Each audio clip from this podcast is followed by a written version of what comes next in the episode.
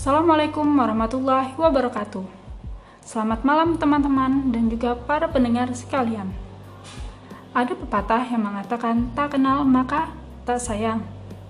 Jadi, perkenalkan nama saya Fatima Zahra, mahasiswa baru dari Prodi Sains Lingkungan Kelautan atau bisa disingkat dengan SLL di Institut Teknologi Sumatera.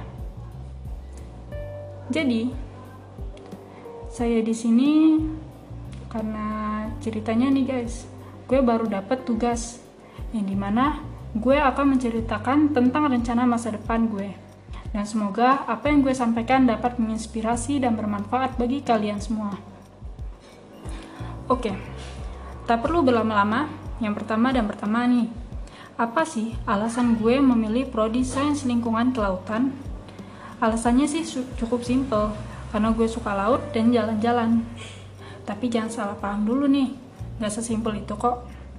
Jadi, prodi ini merupakan prodi yang unik. Di sini kita akan mempelajari hal-hal yang berhubungan dengan laut secara detail, baik di lingkungannya maupun makhluk hidup di dalamnya. Selanjutnya, prodi ini sangat pas dengan negara kita yaitu negara Indonesia yang di mana Indonesia memiliki wilayah laut yang begitu luas yang harus kita jaga kelestariannya dan tentunya lulusan dari prodi ini juga sangat dibutuhkan membicarakan tentang lulusan prodi ini memiliki prospek kerja yang begitu menarik dan luas dengan berbagai macam profesi yang bisa dijadikan pilihan seperti peneliti, dosen, konsultan, pertambangan minyak, dan masih banyak lagi. Oke guys, cukup itu aja perkenalannya. Kita lanjut pada inti cerita pada malam hari ini. Untuk mencapai tujuan akhir dari semua rencana-rencana atau planning gue, gue akan membagi dalam tiga tahap perencanaan. Yang pertama, jangka pendek, yaitu kurang lebih dalam kurun waktu satu tahun. Yaitu mencari beasiswa biar gue bisa meringankan beban kedua orang tua gue. Ya gue tahu gue uh, beban orang tua jadi gue harus banyak membantu. Setidaknya bisa meringankan biaya kuliah gue ataupun keperluan-keperluan kuliah lainnya. Selanjutnya bisa lulus TPB yang katanya sih kalau nggak lulus bakalan ngulang lagi. Jadi semoga gue lulus TPB yang semester 1 dan semester 2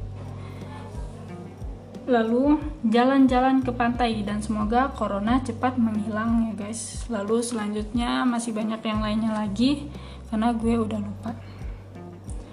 Yang kedua jangka menengah satu atau tiga tahun ke depan. Yang pertama dapat mengikuti berbagai macam perlombaan Selanjutnya, mencari pengalaman dengan mengikuti berbagai macam pelatihan-pelatihan, organisasi, ekskul juga menjadi relawan di daerah yang membutuhkan. Semua itu sangat berguna guys untuk meningkatkan skill atau keahlian maupun pengalaman.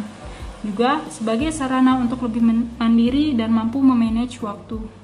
Juga membangun relasi, koneksi maupun pertemanan. Jadi kita nggak boleh nolep-nolep banget ya guys.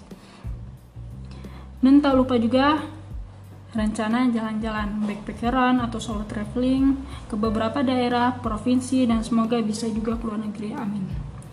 Oh iya, ada satu lagi nih guys, yaitu memiliki usaha atau bisnis dan masih banyak lainnya.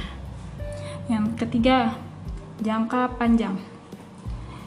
Kurang lebih kurun waktu 4 tahun ke atas.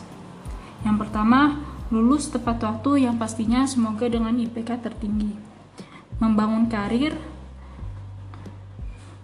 punya bisnis sendiri dan semoga sukses ya guys.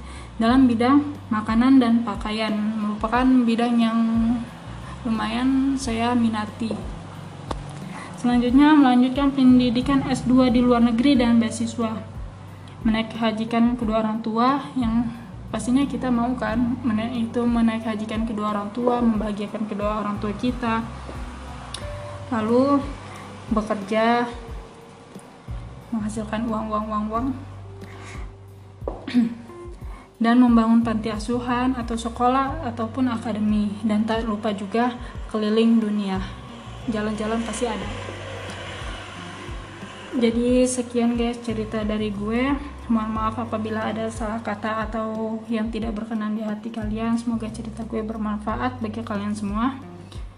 Gue menyampaikan kata-kata motivasi tapi sayangnya gue gak punya. Jadi stay safe stay healthy and stay with me. Wassalamualaikum warahmatullahi wabarakatuh. Selamat malam semua. Semoga tidur kalian nyenyak